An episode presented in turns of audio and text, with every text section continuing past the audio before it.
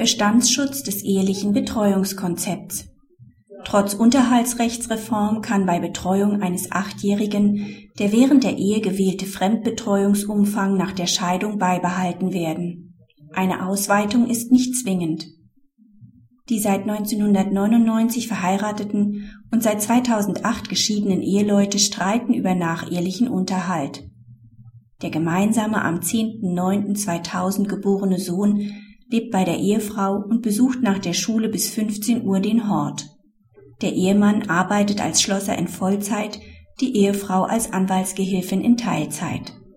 Der Ehemann fordert eine ganztägige Fremdbetreuung des Sohnes, damit seine Ehefrau vollschichtig arbeiten und ihren Unterhaltsbedarf selbst decken kann. Die Ehefrau hält eine Ausweitung der Fremdbetreuung für mit dem Kindeswohl unvereinbar. Das Amtsgericht spricht der Ehefrau nachehelichen Unterhalt zu und lehnt eine Herabsetzung oder Begrenzung ab. Mit seiner Berufung begehrt der Ehemann weiter die Abweisung. Das KG weist die Berufung als unbegründet ab.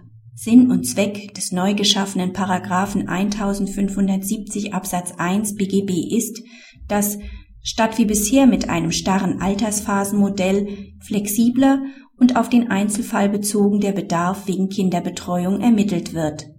Die Notwendigkeit einer ganztägigen Fremdbetreuung kann hieraus nicht als Grundsatz abgeleitet werden. Vor der Trennung hatte die Ehefrau den Sohn die ersten drei Lebensjahre voll betreut, danach war sie 25 Wochenstunden erwerbstätig. Maßgeblich ist nach dem neuen Paragraphen 1570 Absatz 1 BGB das während der Ehe tatsächlich praktizierte Modell.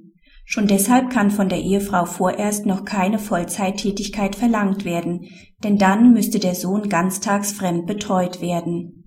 Kinderbetreuung darf aber nicht auf technische Einzelheiten wie das Angebot von Hausaufgabenbetreuung und Freizeitaktivitäten reduziert werden.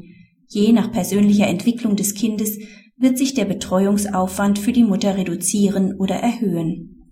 Ausblick.